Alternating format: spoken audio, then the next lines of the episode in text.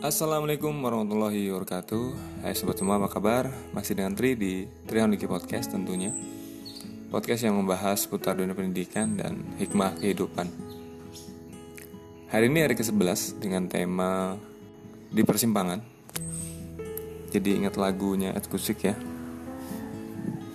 Jadi pendidikan dan persimpangan ini Jika dikaitkan itu ada banyak di masyarakat kita itu berada di persimpangan dalam pendidikan dalam arti anaknya misalnya apakah akan di tetap disekolahkan atau ikut membantu orang tua di ladang.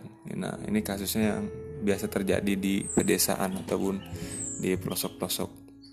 Dan kalau untuk kasus negara di persimpangan ini adalah menghadapi tantangan bonus demografi. Kenapa tantangan? Ya, karena bonus demografi ini akan menimbulkan dua sebab. Bisa keuntungan untuk negara ataupun bisa jadi beban untuk negara. Keuntungan untuk negara jika memang anak-anak ini nanti akan siap untuk membangun negeri ini di usia tersebut gitu. Di mana di bonus demografi ini kan ketika suatu negara diisi oleh usia yang produktif bekerja berkarya gitu. Nah, tapi kita lihat fenomena sekarang banyak masalah di pergaulan remaja, di pendidikan yang mengakibatkan dampak negatif di masyarakat dan di remaja itu susah dihilangkan tentu akan jadi beban ketika yang seharusnya bonus demografi ini menjadi peluang untuk suatu negara melonjak menjadi lebih baik ya. Kemudian harus menjadi beban ketika bonus demografi ini tidak sesuai harapan. Harusnya produktif, ternyata malah tidak produktif. Malah misalnya kenakalan remaja makin meningkat, pergaulan bebas sampai di mana-mana tidak bisa tidak membedakan lagi di kota dan di desa.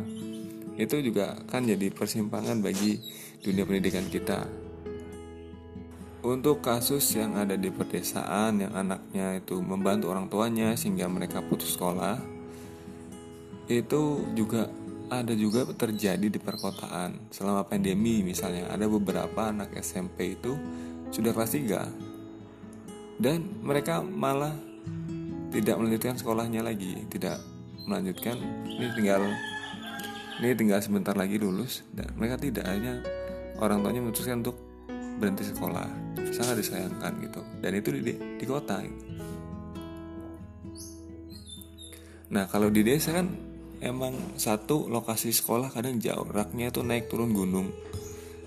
Dan juga kebanyakan berpikir kalau untuk sekolah SD kemudian tidak lanjut SMP karena SMP-nya lebih jauh lagi ya ngapain? Mending saya bantu orang tua untuk kebutuhan hidup.